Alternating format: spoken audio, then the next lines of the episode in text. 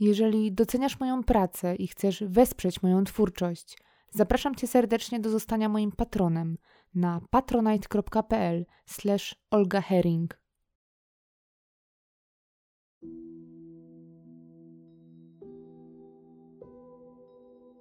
Sprawa, o której dzisiaj opowiem, budzi wiele emocji, w tym smutek, gniew i przede wszystkim poczucie olbrzymiej niesprawiedliwości. Uświadamia też, że niebezpieczeństwo może czyhać nawet w doskonale znanej nam okolicy, tuż obok domu, w miejscu, w którym czujemy się swobodnie i bezpiecznie i w którym bywaliśmy setki razy. Nasuwa też bardzo smutne wnioski, że nawet pomimo szybkiej reakcji bliskich i zaangażowania naprawdę wielu osób, nie każdy los da się odmienić. Jest to historia młodej, pięknej i niezwykle zdolnej dziewczyny, która na swojej drodze, zaledwie 700 metrów od domu, spotyka potwora.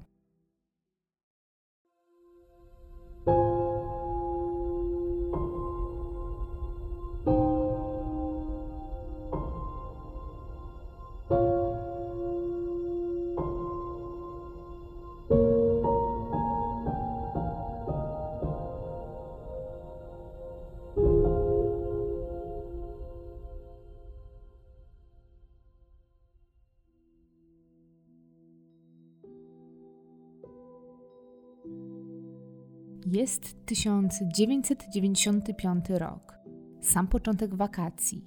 Na polskich ulicach królują takie samochody jak Polones czy Fiat 125P.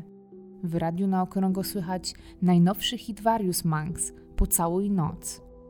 To też ostatnie miesiące prezydenckiej kadencji Lecha Wałęsy, którego miejsce jesienią, bo pod koniec października zajmie Aleksander Kwaśniewski, i to właśnie w tym roku na dobre rozpoczyna się też nowa komputerowa era i uruchomiony zostaje w kraju pierwszy portal internetowy, jakim jest Wirtualna Polska. Także po raz pierwszy odbywa się wtedy niepozorny jeszcze festiwal muzyczny organizowany przez Jurka Owsiaka, przystanek Woodstock. W tym samym czasie, w 1995 roku, w pięknym Gdańsku, mieszka tegoroczna maturzystka o imieniu Daria. Daria ma prawie 19 lat, jest jedynaczką i mieszka przy ulicy Bobrowej 7 na gdańskiej Oliwie, tuż na samym skraju Lasu Oliwskiego i jednocześnie na tyłach Akademii Wychowania Fizycznego. Mieszka tam razem ze swoimi rodzicami, Grażyną i Dariuszem, z którymi wspólnie tworzą zgraną i bardzo kochającą się rodzinę – Spędzają wspólnie dużo czasu, często też jeżdżą razem nad jezioro, gdzie żeglują i bawią się ze znajomymi, których w ich otoczeniu nie brakuje, bo są ludźmi otwartymi i towarzyskimi. Daria dodatkowo zwraca uwagę swoją urodą, która jest ciekawa i nietuzinkowa. Dziewczyna ma wyraźne rysy twarzy, ciemne oczy i brwi, do tego piękne, ciemnobrązowe, bardzo długie i gęste włosy, które sięgają jej prawie do pasa. Ma też szeroki i naprawdę zaraźliwy uśmiech, a do tego jest wysoka i bardzo zgrabna. Przypomina wręcz modowe muzy największych projektantów. Ta niewątpliwa atrakcyjność sprawia, że Daria nie narzeka na brak adoratorów, ale jest stała w uczuciach i już od dłuższego czasu spotyka się z jednym chłopakiem, Jackiem, 95 rok to dla Darii wyjątkowy czas. Właśnie teraz wchodzi w dorosłość. Jest tegoroczną maturzystką i chwilę temu skończyła siódme liceum ogólnokształcące na Żabiańce, które znajduje się dosłownie kilka kilometrów od jej domu. To lato zapowiada się więc jako początek wielkiej przygody i oczywiście najdłuższe wyczekiwane wakacje w życiu – a odpoczynek i naprawdę dużo rozrywki w pełni należą się Darii, która przez cały okres nauki uczyła się wybitnie dobrze. I nie są to puste słowa. Jej trud zostaje rzeczywiście doceniony. Wraz z ukończeniem szkoły otrzymuje tytuł najlepszej maturzystki. I to nie jedynie w swojej szkole, ale aż w całym mieście, Daria zostaje najlepszą maturzystką Gdańska 1995 roku. Na akademii z okazji zakończenia roku szkolnego wszystkie oczy patrzą właśnie na nią. Mama Darii, pani Grażyna, siedzi w pierwszym rzędzie i nie kryje wzruszenia, kiedy jej córka zostaje wyróżniona przed tłumem ludzi. Wszyscy kibicują tej ciemnookiej dziewczynie i wiedzą, że czekają na nią same sukcesy. Gdański oddział TVP zaprasza Darię na jej pierwszy w życiu wywiad, na którym opowie coś o sobie, swoich pasjach i planach oraz o byciu tak niezwykle docenioną. Dziewczyna bardzo cieszy się na to wydarzenie, a cała rodzina pęka z dumy. Jest to zdecydowanie świetnie zapowiadający się start w dorosłe życie. A nikt nie ma wątpliwości, że dalsze sukcesy są tylko przed nią. Od dziecka jest szalenie ambitna, od zawsze stawia sobie bardzo wysoko poprzeczkę i wymaga od siebie wiele. Jest też pracowita, uparta i konsekwentna, a te wszystkie cechy razem wręcz skazują ją na sukces. Chociaż jest prymuską, to wcale nie jest typem zamkniętego w sobie mola książkowego, nie jest kujonką, która uczy się wszystkiego na pamięć. Po prostu lubi zdobywać wiedzę i dowiadywać się czegoś nowego, dlatego też od zawsze przychodzi jej to łatwo. Nikogo więc nie dziwi, że ktoś tak ambitny, także po szkole średniej, nie ma zamiaru odpuszczać i wciąż mierzy wysoko. Daria ma określony cel i plan na swoje życie. Marzy o dostaniu się na elitarne i wymagające studia. Chce iść na medycynę i zostać lekarzem. Dlatego tuż po maturze przystępuje do trudnych egzaminów wstępnych, bo o zdobyciu miejsca na wymarzonym kierunku decydują nie tylko oceny z matur, ale też konkurs świadectw i przede wszystkim wyniki z egzaminu wstępnego, który organizowany jest przez uczelnię medyczną. Egzamin jest bardzo trudny i nierzadko wykracza poza materiał licealny, natomiast miejsc na kierunek lekarski jest bardzo mało, a konkurencja jest olbrzymia. Daria przystępuje więc do testu, ale gdy przychodzą wyniki, czeka ją rozczarowanie. Okazuje się, że zabrakło jej dosłownie kilku punktów, by dostać się na wymarzony kierunek. Chociaż jej marzenia oddalają się w czasie, to Daria wcale się tym nie załamuje i nie traktuje tego jako porażki, a jako wyzwanie. Jest rozsądna i brała już wcześniej pod uwagę taki scenariusz, wiedząc, że nie zawsze dostanie się na wymarzony kierunek, udaje się za pierwszym razem. Dlatego też w tym samym czasie aplikowała na biotechnologię i na ten kierunek dostaje się od razu, w pierwszej liście, w ramach konkursu świadectw. I mimo, że jest to pewnego rodzaju pocieszenie, to dziewczyna nie ma jednak w planach zagrzać tam długo miejsca. Chce po prostu przeczekać nadchodzący rok akademicki na tych studiach drugiego wyboru, tam zdobyć dodatkową wiedzę, a potem przed przyszłorocznymi wakacjami ponownie przystąpić do egzaminu na medycynę, jeszcze lepiej przygotowana i wtedy już spełnić marzenia o zostaniu lekarzem.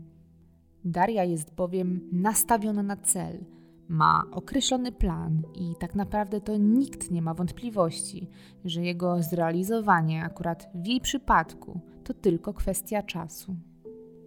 Daria, chociaż jest niezwykle zdolna, a do tego bardzo ładna, to nie budzi jednak w otoczeniu zazdrości.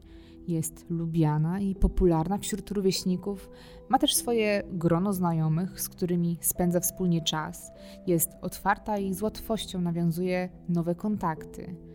Jej dążenie do celu i pracowitość popychają ją także w stronę sportu, który często idzie w parze z tymi cechami. Daria uwielbia aktywność fizyczną, lubi się zmęczyć i wystawiać swoje ciało na próby a stałym elementem jej dnia codziennego jest jogging, bez którego nie wyobraża sobie życia. Jako, że mieszka dosłownie na skraju lasu oliwskiego, to biega tam kiedy tylko może i zna to miejsce jak własną kieszeń.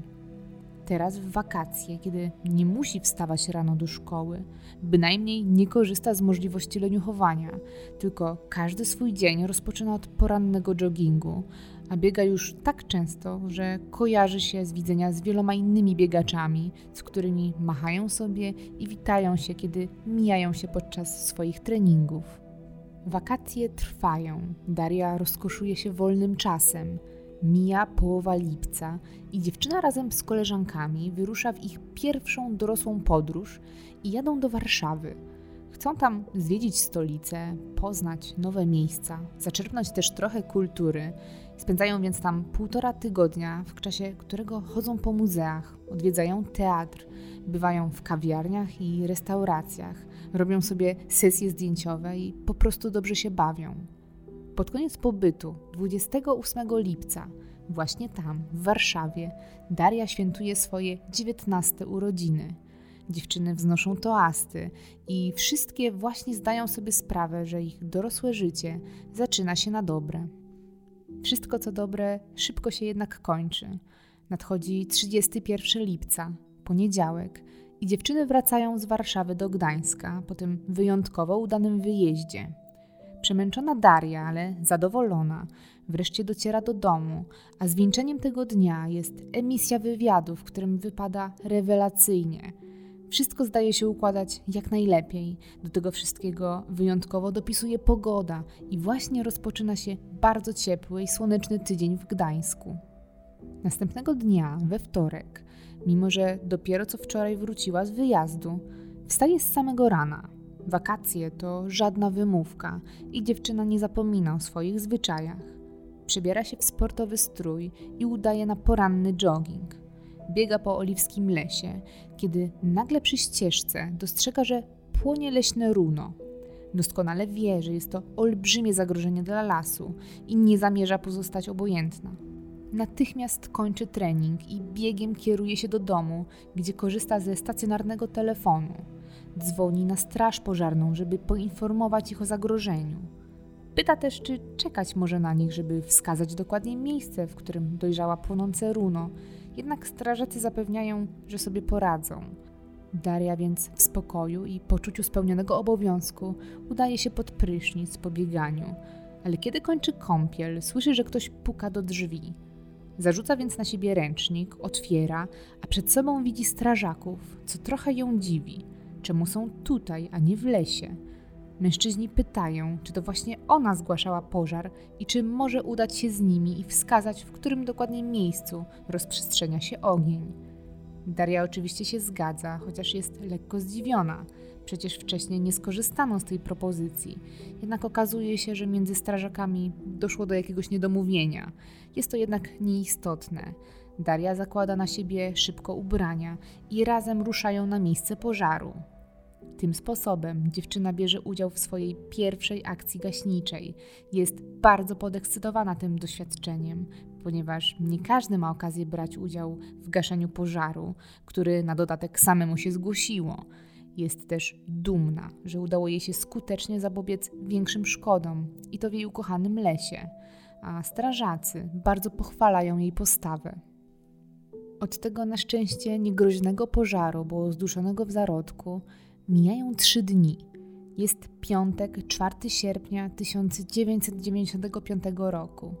Dokładnie tydzień temu Daria obchodziła swoje 19 urodziny. W Gdańsku fala upałów nie odpuszcza. Są to jedne z pierwszych wakacji z tak wysokimi temperaturami. I mimo, że to wakacje i że nikt nie jest przyzwyczajony do tak wysokich wartości na słupkach rtęci, to Daria i tak wstaje z samego rana. Przybiera się w przygotowane dzień wcześniej sportowe ciuchy i zaraz rozpocznie kolejny dzień joggingiem, podczas którego, jak zwykle zresztą, da z siebie wszystko. Od kiedy nie chodzi do szkoły, poranne bieganie zaczyna z reguły około 8 rano, jednak dzisiaj jest trochę inaczej – wychodzi godzinę wcześniej niż zwykle, bo już o siódmej, a wynika to z tego, że około dziewiątej nad ranem mają w mieszkaniu pojawić się hydraulicy, którzy mają wymienić zawory w grzejnikach. Daria chce więc zdążyć z treningiem, który z reguły trwa od półtorej do dwóch godzin, zanim pojawią się fachowcy. Gdy wybija więc godzina siódma, dziewczyna wychodzi ze swojego mieszkania przy ulicy Bobrowej i ulicą Czyżewskiego wbiega w Las Oliwski. Biegnie tam najpierw szeroką, piaszczystą aleją wśród przepięknych sosen, żeby potem, jak zwykle, skręcić w boczne ścieżki. Osiem godzin później, trochę po piętnastej, do domu wraca mama Darii, pani Grażyna. Otwiera drzwi do mieszkania już na samym wejściu napotyka na bałagan w przedpokoju. Ten fakt ją rozzłaszcza, ponieważ Daria obiecała dzisiaj posprzątać i najwyraźniej tego nie zrobiła. Mama chce więc porozmawiać z córką, dlaczego ta nie wywiązała się ze swoich obowiązków i udaje się do jej pokoju. Tam jednak zauważa coś dziwnego. Skórzany plecak Darii, bez którego dziewczyna nigdy poza oczywiście treningami nie rusza się z domu. Kobietę ogarnia lekki niepokój. Rozgląda się, czy córki nie ma może w innym pokoju. Sprawdza resztę pomieszczeń, ale jest pewne, w mieszkaniu jest sama. Wraca do przedpokoju, gdzie dostrzega, że na podłodze nie ma butów do biegania Darii, ani też stroju po treningu, który dziewczyna zawsze ściąga z siebie tuż po powrocie i szykuje do prania. Wszystko to jest niezwykle nietypowe i wskazuje jednoznacznie, że Daria nie wróciła do mieszkania po joggingu. Niepokój mamy wzrasta i natychmiast sięga po słuchawkę telefonu i wykręca numer za numerem do znajomych Darii, z którymi mogłaby teraz być. Niestety, z każdym kolejnym telefonem strach o córkę rośnie. Kolejne wypytywane osoby nie mają pojęcia, gdzie jest dziewczyna. Nikt się z Darią nie widział tego dnia, ani nie wie, gdzie jest. O 15.30, kiedy pani Grażyna obdzwoniła już wszystkie osoby, jakie przyszły jej do głowy, ponownie sięga po telefon i dzwoni do swojego męża i taty Darii, pana Dariusza. Mówi mu, że jedzie na policję, bo Daria nie wróciła z lasu. Pani Grażyna udaje się piętro wyżej do Jacka, przyjaciela Darii, który mieszka nad nimi ze swoimi dziadkami. Informuje tam, że Daria nie wróciła z porannego biegania i prosi o pomoc. Razem z Jackiem pożyczają od starszych państwa ich samochód Fiata 125P i we dwoje jadą na posterunek. Pani Grażyna jest na miejscu już 15 minut po telefonie do męża, ponieważ najbliższa komenda znajduje się zaledwie 3,5 km od ich domu. Na miejscu jest więc jeszcze przed 16. Przybyła tu, bo chce zgłosić zaginięcie i natychmiast rozpocząć poszukiwania swojej córki. Policjanci są jednak bardzo zachowawczy. Na spokojnie pytają, ile lat ma Daria. Mama Darii, zgodnie z prawdą, odpowiada, że 19 na co policjant bez emocji kwituje to tym, że jest dorosła i że jest za wcześnie na podnoszenie alarmu, a ewentualne zgłoszenie zaginięcia przyjmie dopiero po 72 godzinach jej nieobecności. Pani Grażyna jednak upiera się. Jej córka nie wróciła przecież z lasu i coś musiało się wydarzyć. Jednak policjanci bez najmniejszych skrupułów zbywają kobietę, załamując ją całkowicie. Nie pozostaje jej nic innego, jak wrócić do domu i zebrać myśli, co dalej. Kiedy pani Grażyna wraca do mieszkania, w tym samym momencie zbliża się do niego pan Dariusz, który natychmiast po telefonie od żony rzucił wszystko, czym się akurat zajmował i również ruszył do domu. Oboje docierają pod klatkę przybobrowej w tym samym momencie. Pani Grażyna jest cała zapłakana i roztrzęsiona.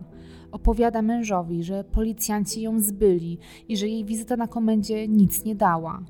Wchodzą więc do mieszkania, gdzie po Darii wciąż żadnego śladu i zaczynają zastanawiać się, co robić dalej.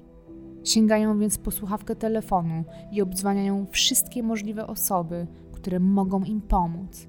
Panu Dariuszowi przychodzi do głowy, że najstarszy brat jego koleżanki był pułkownikiem SB, a pani Grażyna dzwoni do mamy koleżanki Darii, która pracuje w szpitalu MSW. Po wykonaniu telefonów rodzice schodzą na dół przed klatkę, gdzie spotykają się już z sąsiadami, którzy zostali zaalarmowani i chcą pomóc. Około 17 wszyscy wchodzą w sąsiadujący z ich mieszkaniami las w poszukiwaniu Darii. Jest gorąco, ale każdy jest zdeterminowany. Szuka i nawołuje dziewczyny, jednak bez odzewu. Mijają dwie i pół godziny bezskutecznych poszukiwań i około 19.30 pan Dariusz i reszta osób pomagających wychodzą z lasu. Kierują się w stronę bloku przybobrowej, gdzie pod klatką czeka policja. Okazuje się, że funkcjonariusze jednak zainteresowali się sprawą dzięki interwencji kogoś ze znajomych rodziny. Któryś z telefonów pomógł. Jest więc nadzieja na fachową pomoc. Jednak wbrew oczekiwaniom, policjanci jeszcze nie rozpoczynają poszukiwań. Czekają bowiem na przewodnika z psem tropiącym. Człowiek, który się tym zajmuje, ma akurat tego dnia wolne i musi zostać specjalnie ściągnięty na miejsce, co może trochę potrwać. Dopiero półtorej godziny później, około 20.30, kiedy żadnego znaku od Darii nie ma już blisko od 14 godzin, na miejsce dociera przewodnik z psem. Wszyscy mają jeszcze nadzieję na szczęśliwy finał. Jest początek sierpnia, dzień jest jeszcze długi. Może Daria podczas biegania przewróciła się gdzieś i jest ranna. Może skręciła kostkę i nie ma jak wrócić. W głowie każdego kłębią się setki myśli. Przewodnik prosi o jakieś rzeczy osobiste Darii, na których będzie wyraźnie utrwalony jej zapach. Tata Darii przynosi więc koszulkę córki z poprzedniego dnia. Specjalista dostaje do rąk materiał zapachowy i jednocześnie pyta, kiedy zaginęła Daria. Kiedy dowiaduje się, że miało to miejsce około siódmej nad ranem, ma na wstępie dla bliskich złe wieści. Z racji warunków, jakie panują, tych upałów, które trwają od kilku dni, pies efektywnie podejmuje trop zaledwie do 8, może maksymalnie do 10 godzin po zaginięciu. Dzieje się tak, ponieważ w takich warunkach zapach bardzo szybko się ulatnia i bywa tak, że jego praca z psem może nie przynieść żadnego skutku, a od zaginięcia Darii minęło już przecież znacznie więcej. Mimo tych wątpliwości podejmują oczywiście próbę. Wszyscy idą w las, łącznie z sąsiadami i znajomymi chcącym pomóc. Prace trwają, zaczyna się jednak ściemniać i kiedy poszukujący dochodzą do ścieżki, która jest równoległa do ulicy Spacerowej, dowodzący komendant z Oliwy grupuje wszystkich obecnych i dziękuję za pomoc. Poszukiwania muszą zostać przerwane, ponieważ robi się ciemno, a policjanci nie mają ze sobą latarek. Dodatkowo zastępca dowodzącego wtrąca, że jutro ma miejsce mecz Lechi, który obstawiają i przed którym muszą odpocząć. Pan Dariusz i wszyscy zmartwieni nieobecnością Darii są wstrząśnięci. Dlaczego to już koniec poszukiwań na dzisiaj? Roztrzęsiony pyta, co jest ważniejsze: poszukiwania zaginionej młodej dziewczyny czy mecz? Na co słyszy odpowiedź: jak dla kogo? Dowodzący kończy dyskusję.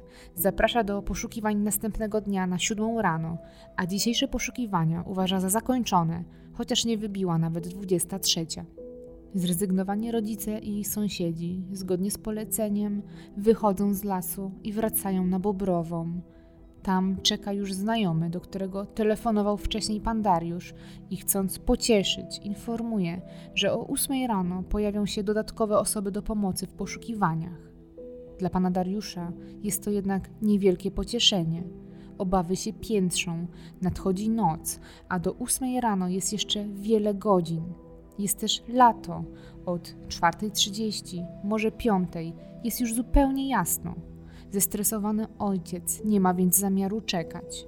Wraca do mieszkania i obdzwania po raz kolejny znajomych, sąsiadów i bliskich i ogłasza zbiórkę w pół do piątej rano, żeby rozpocząć poszukiwania jeszcze przed przybyciem mundurowych. Od razu o świcie tata Dari i kilka chętnych osób ruszają w las i razem z budzącym się dniem szukają dziewczyny. Tak mija godzina za godziną krążenia w terenie. Wybija ósma, dziewiąta, a coraz więcej osób bierze udział w poszukiwaniach. Po godzinie ósmej jest już około 200 osób zaangażowanych do pomocy. Na miejscu jest policja, strażacy, wolontariusze, pomagają także leśnicy. Wszyscy przeczesują dokładnie teren, trzymając stały odstęp kilku metrów od siebie, a każdy stara się nie przeoczyć żadnego szczegółu. Po około półtorej godziny poszukiwań okoliczny leśniczy zauważa stosy chrustu, jakie często były układane w terenie, jednak jeden z nich intryguje go szczególnie. Ułożone gałęzie wyglądają zupełnie niepozornie, jednak na samym ich wierzchu leżą zerwane paprocie, które wyglądają na świeże i które nie są elementem takich stosów. Natychmiast więc woła będących w najbliższym otoczeniu funkcjonariuszy i prosi ich, żeby sprawdzili ten trop. Mężczyźni zaczynają ostrożnie sprawdzać znalezisko, odkrywając kolejną gałąź za gałęzią, i wtedy ich oczom ukazuje się ludzka ręka. Jest godzina jedenasta. Pan Dariusz jest wycieńczony. Minęło sześć godzin jego bezowocnych poszukiwań. Mężczyzna wychodzi z lasu, już w Sopocie. Idzie jego skrajem, kierując się w stronę domu i dociera tak do wejścia do lasu na wprost Akademii Wychowania Fizycznego na ulicę Czyżewskiego. To ta sama droga, którą Daria wbiega zawsze na jogging. Tam zauważa pewnego rodzaju zamieszanie. Napotyka grupę ludzi i od nich dowiaduje się, że znaleziono jego córkę. Natychmiast biegnie we wskazaną stronę, kiedy jest już blisko i widzi z oddali działających funkcjonariuszy oraz trwające czynności. Zostaje jednak zatrzymany przez policję. Nie pozwalają mu przejść dalej, ponieważ właśnie zabezpieczają teren. Nie muszą wiele mówić. Ojciec już wie. Daria nie żyje. Zginęła zaledwie 700 metrów od domu. Pan Dariusz, już wiedząc, wraca do mieszkania na Bobrowej. W mieszkaniu czeka pani Grażyna razem z koleżankami, które podtrzymują ją na duchu i wspierają podczas akcji poszukiwawczej. Widząc wchodzącego męża, pani Grażyna pyta z nadzieją, czy policjanci szukają dalej Darii. Pan Dariusz spokojnym głosem odpowiada, że tak, ciągle szukają, mimo że w środku rozpada się właśnie na milion kawałków. Następnie udaje się do sąsiadki, pani Bogumiły, i dzwoni z jej telefonu po pogotowie dla swojej żony. Doskonale wie, że zaraz, kiedy najgorsza informacja w ich życiu będzie musiała być przekazana, to pomoc medyczna będzie niezbędna. W następnej kolejności dzwoni do rodziny, żeby ci zapewnili opiekę babciom Darii, Prosi, żeby starsze panie wziąć gdzieś na działkę, z dala od mediów i żeby po prostu przy nich być w tych dramatycznych momentach, jakie nadchodzą, jakie spadły na ich rodziny. Po tych wszystkich telefonach wraca do mieszkania, gdzie już jest wezwany zespół medyczny, który zajmuje się panią Grażyną. Kobieta dostaje leki uspokajające, które towarzyszą jej do dzisiaj. W tym samym czasie na miejscu zbrodni trwają oględziny. Od razu pewnym jest, że Daria została zamordowana i że prawdopodobnie do zabójstwa doszło na tle seksualnym. Takie podejrzenia nasuwają się same, ponieważ dziewczyna jest obnażona. Od pasa w dół zdjęto jej ubranie, a górna część garderoby jest podciągnięta do góry. Część tej zdjętej garderoby leży pod jej ciałem. Sprawca ukrył zwłoki i to dość skutecznie, ponieważ w tym miejscu już poszukiwano dzień wcześniej, jednak ciało było dobrze przykryte i zupełnie nie rzucało się w oczy. Dopiero ten jeden szczegół, świeże paprocie, zwróciły uwagę u osoby ściśle związanej z lasem. Przeszukiwany jest kawałek po kawałku najbliższego otoczenia miejsca zbrodni z sukcesem, bo policja zabezpiecza istotne w śledztwie przedmioty. Jest to przede wszystkim nóż kuchenny, który jest wbity w nieopodal znajdujące się drzewo, chociaż na tym etapie nie wiadomo, czy należy do sprawcy, a czy jeśli tak, to pozostawiony tam został celowo, a może przypadkiem i sprawca o nim zapomniał, kiedy na przykład uciekał w pośpiechu. Kilkadziesiąt metrów dalej kolejny bardzo podejrzany przedmiot, Śledczy znajdują zakrwawioną chusteczkę i być może na niej ślady biologiczne, które mogą należeć do sprawcy. Zabezpieczony zostaje także włos, kolejny bardzo ważny dowód, oraz gałęzie, którymi przykryto Darię, a które były ewidentnie ucięte, najprawdopodobniej właśnie nożem. Wszystko wskazuje więc na to, że sprawca działał w pośpiechu i pozostawił po sobie bardzo dużo śladów, a w rękach policji być może znajdują się dowody, które pozwolą szybko wyjaśnić tę sprawę i postawić przed wymiarem sprawiedliwości oprawcę Darii. Ale dzieje się jednak zupełnie inaczej. Następuje sekcja zwłok, która wskazuje, że Daria została uduszona, a wcześniej brutalnie zgwałcona. Pierwsze podejrzenia, że zbrodnia ta miała motyw seksualny, sprawdzają się Rozpoczynają się także gorączkowe poszukiwania mordercy i gwałciciela. Jednak w tym momencie wszystko zaczyna toczyć się nie tak, jak powinno. Do badań przekazywane są po kolei znalezione na miejscu zbrodni dowody. Jednym z nich, wydaje się, że kluczowym, jest włos. Niestety, bardzo szybko okazuje się, że ten dowód na nic się nie przyda, ponieważ uległ zniszczeniu podczas transportu do Bydgoszczy i zbadanie go jest już niemożliwe. To nie koniec olbrzymich zaniedbań. Także nóż kuchenny, znaleziony nieopodal, wbity w drzewo, został nieprawidłowo zabezpieczony, a wszelkie ślady, jakie mogły się na nim znajdować, zostały zatarte do tego gałęzie, którymi przykryta była Daria i które nosiły ślady cięć, zostają przekazane do laboratorium kryminalistyki dopiero po miesiącu.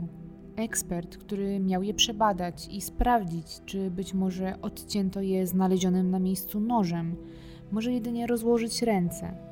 Po tych trzech tygodniach upałów, jakie wtedy panowały, nie udaje się określić już żadnych szczegółów i kolejny dowód przepada bezpowrotnie. Jest jednak nadzieja. W ciele Darii zabezpieczono nasienie sprawcy, z którego zostaje wyodrębnione DNA mordercy. Materiał genetyczny zostaje też zarejestrowany w krajowej bazie DNA, a także w bazie Interpolu, co pozwoli na poszukiwanie sprawcy nie tylko w kraju, ale także poza granicami. To olbrzymia nadzieja, ponieważ materiał genetyczny pozwoli ustalić z praktycznie stuprocentową pewnością winnego. Jednak trzeba mieć najpierw materiał porównawczy pobrany od wytypowanego podejrzanego. DNA sprawcy przydało się do czegoś jeszcze. Okazało się, że zakrwawioną chusteczkę znalezioną nieopodal ciała zostawiła ta sama osoba. Materiał genetyczny pasuje. Świadczy to też o tym, że Daria się broniła i walcząc o swoje życie, zraniła napastnika. Morderstwo młodej, zdolnej i pięknej dziewczyny obiega wszystkie okoliczne media, a na mieszkańców Trójmiasta pada blady strach. Pojawiają się też pierwsi podejrzani i pierwsi świadkowie. Obiecującym tropem jest zgłoszenie kierowcy autobusu, który właśnie tego feralnego poranka kierował autobusem linii 169 z Osowej do Oliwy do pojazdu około 8.30 na przystanku na żądanie, który obecnie nosi nazwę Rynarzewo, wsiedli dwaj mężczyźni. Zachowywali się dziwnie, byli poddenerwowani i jednocześnie zdezorientowani, a ich ubrania były zabrudzone i pokryte igłami z drzew. Jeden z mężczyzn kupił u kierowcy bilet, jednak obaj byli tak roztrzęsieni, że nie umieli go skasować. Wysiedli na następnym przystanku i od razu wbiegli do lasu. Kierowca autobusu, ze względu na to ich bardzo dziwne zachowanie, przyglądał im się i dzięki temu doskonale ich zapamiętał. Obaj mężczyźni mieli około 35 lat. Jeden był szczupły, miał ciemne, bujne włosy w nieładzie, krzaczaste brwi i ciemny zarost. Drugi natomiast jak jego przeciwieństwo niski, krępy i rudowłosy – był to zdecydowanie charakterystyczny duet. Ich wizerunki, stworzone dzięki współpracy kierowcy i specjalisty od portretów pamięciowych, obiega całe miasto i całe trójmiasto. Twarz mężczyzn wraz z opisem pojawia się w gazetach, autobusach, w mediach. Poszukiwani są też wszyscy świadkowie, którzy mogą ich zidentyfikować lub mogli widzieć więcej tamtego dnia. Dość szybko na policję zgłasza się więc kobieta, która zeznaje, że poznaje tych mężczyzn. Niedawno na Tarczywie zaczepiali ją na jednej z sopockich ulic. Tu niestety trop się urywa. Nikt nigdy więcej mężczyzn nie widzi, nie udaje się ich przesłuchać. Na celowniku znajduje się także mężczyzna, który sprzątał blok Darii. Sprzątał go również tamtego dnia i mógł dziewczynę obserwować i znać jej rytuały. Do tego miał za sobą przestępstwa na swoim koncie. Zostaje więc pobrany od niego materiał genetyczny, jednak nie ma zgodności. To kolejny pusty trop. Śledztwo zaczyna wyhamowywać. Brakuje podejrzanych, a każdy kolejny sprawdzany materiał genetyczny nie pasuje. Policjanci tworzą więc portret psychologiczny mordercy. Zakładają, że sprawca jest młodym mężczyzną w przedziale od 25 do 35 lat i musi być raczej wysportowany i silny. Być może uprawiał jakiś sport, a może nawet sztuki walki, bo Daria była aktywna i bardzo sprawna fizycznie. Nie była łatwym celem. Podejrzewa się, że sprawca miewał kłopoty z kobietami, że w przeszłości doświadczył odrzucenia, aczkolwiek bardzo możliwe, że jest w długim związku. Według profilerów jest to człowiek impulsywny, agresywny, być może z problemem alkoholowym, natomiast z zewnątrz dla otoczenia może sprawiać wrażenie idealnego obywatela i przykładnego męża i ojca. Zakłada się też, że sprawca mógł znać Darię, nawet z widzenia, może również trenował w tym samym miejscu, w lesie oliwskim. W krótkim czasie po śmierci Darii jej tata chce poznać miejsce, w którym dokładnie znaleziono ciało. Udaje się więc do sopockich funkcjonariuszy, bo ostatecznie Darię odnaleziono właśnie na terenie Sopotu. Jednak ci nie chcą podać mu takiej informacji, a mają ku temu bardzo dobry powód. Informują pana Dariusza, że zainstalowali tam monitoring, ponieważ istnieje duże prawdopodobieństwo, że sprawca może wrócić na miejsce zbrodni. Dodają też, że im więcej osób będzie wiedziało o tej lokalizacji i im więcej ludzi będzie się tam kręcić, to może to tylko spłoszyć sprawcę. Takie argumenty trafiają do taty. Pod koniec września, blisko dwa miesiące później, pan Dariusz ponownie udaje się na policję i znowu prosi o podanie dokładnego miejsca, w którym odnaleziono ciało. Tym razem pan Dariusz również ma dobre argumenty. Przy Darii nie znaleziono kluczy do mieszkania, które miała przy sobie w dniu śmierci. Pan Dariusz natomiast zdobył wykrywacz metalu i chce iść w to miejsce, żeby ich poszukać. Wtedy już policjanci zgadzają się i podają wskazówki miejsca odnalezienia ciała. Już z tą wiedzą pan Dariusz chce także udać się na miejsce po pożarze, który to trzy dni przed swoją śmiercią zgłosiła Daria i w którego gaszeniu brała udział. W dotarciu do celu pomaga mu sąsiadka, która często odwiedza Las Oliwski ze swoim psem i kojarzy pożarzysko.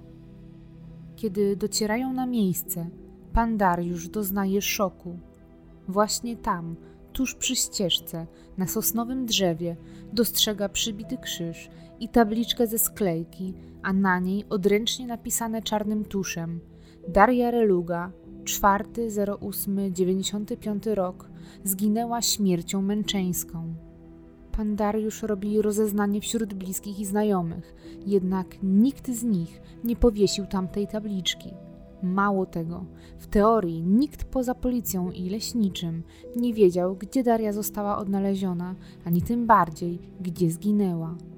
Sam tata Darii poznał miejsce odnalezienia ciała dopiero chwilę temu. Mężczyzna natychmiast jedzie na policję zapytać, skąd wzięła się tam ta tabliczka i dlaczego miejsce nie było należycie pilnowane. Przecież zainstalowano monitoring. Policjanci są jednak zaskoczeni tym, o czym właśnie usłyszeli. Nie mieli pojęcia, że na miejscu zbrodni pojawił się jakiś znak. Okazuje się coś jeszcze. Nie było żadnego monitoringu. Był to zwyczajny blef. Tata Dary jest rozgoryczony. Nalega, żeby tabliczkę zdjęto i pobrano z niej wszelkie możliwe ślady, które mogą zidentyfikować tego, kto ją powiesił.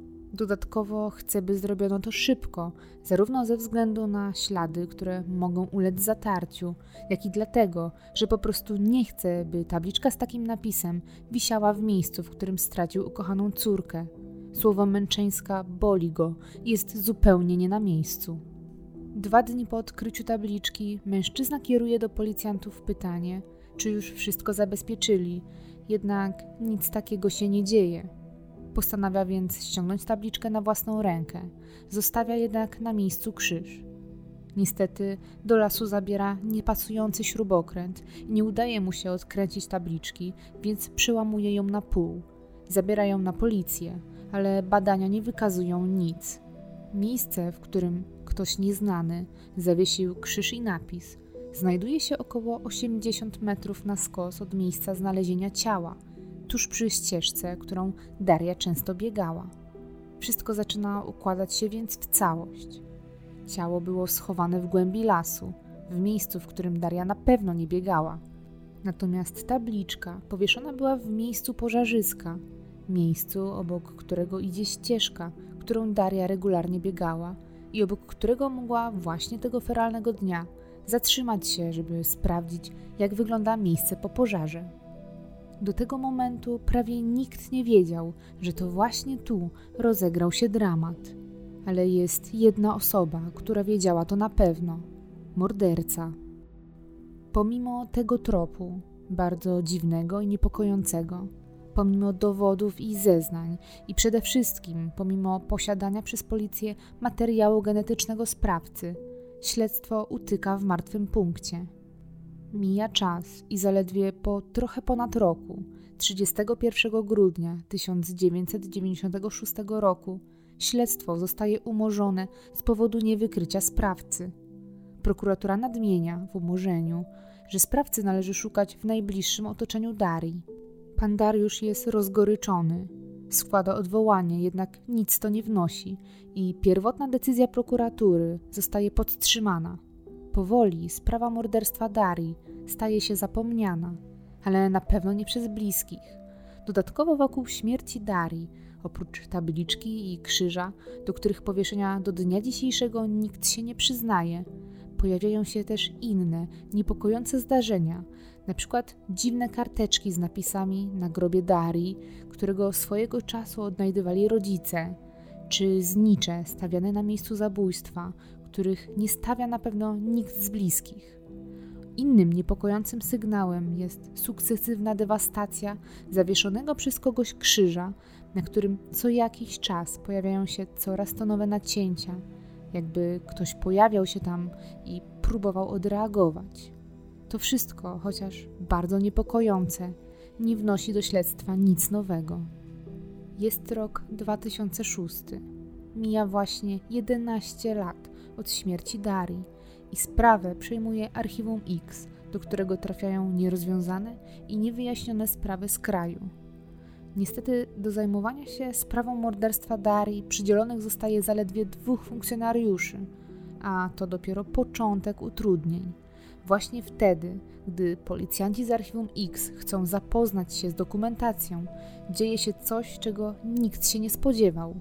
Okazuje się, że zaginęły wszystkie akta, strona po stronie, łącznie ze wszystkimi pismami, zeznaniami, czy nawet zdjęciami z miejsca zbrodni. Ogrom pracy, materiałów i bazy mającej pomóc ująć mordercę wszystko przepada. Kiedy ostatni raz pan Dariusz przeglądał akta, a było to tuż po umorzeniu, wtedy liczyły one trzy tomy. Przed zaginięciem dokumentów, według ostatniego wpisu w rejestrze, było ich już siedem. Tata Darii nigdy nie dowiedział się, co było w pozostałych czterech tomach akt, których nigdy nie zobaczył, i tak naprawdę nie do końca wiadomo, co jeszcze i jak bardzo istotnego przepadło. Wyjaśnieniem sprawy zaginięcia akt zajmuje się prokuratura w Gdyni, jednak umarza postępowanie i nie dość, że akt nie udaje się odnaleźć, to ostatecznie nikt nie ponosi konsekwencji tak olbrzymiego zaniedbania.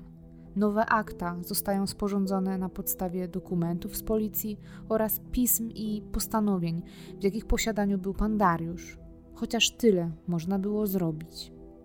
Jest rok 2010, cztery lata po zaginięciu akt i już 15 lat po śmierci Darii. Prokuratura otrzymuje bardzo interesujący list z Londynu, a dokładniej list z londyńskiego aresztu. W liście tym nadawca wskazuje rzekomego sprawcę morderstwa Darii. Mężczyzna pisze, że był w areszcie z osobą, która przyznała mu się do tego, że to ona jest sprawcą. To pierwszy tak obiecujący trop od wielu, wielu lat. Prokurator jest pełen nadziei na rozwiązanie sprawy i osobiście leci do Londynu, żeby przesłuchać świadka. Na podstawie jego zeznań pobrany zostaje też materiał genetyczny od wskazanego. Niestety, wszystkich czeka olbrzymie rozczarowanie. Nie ma zgodności.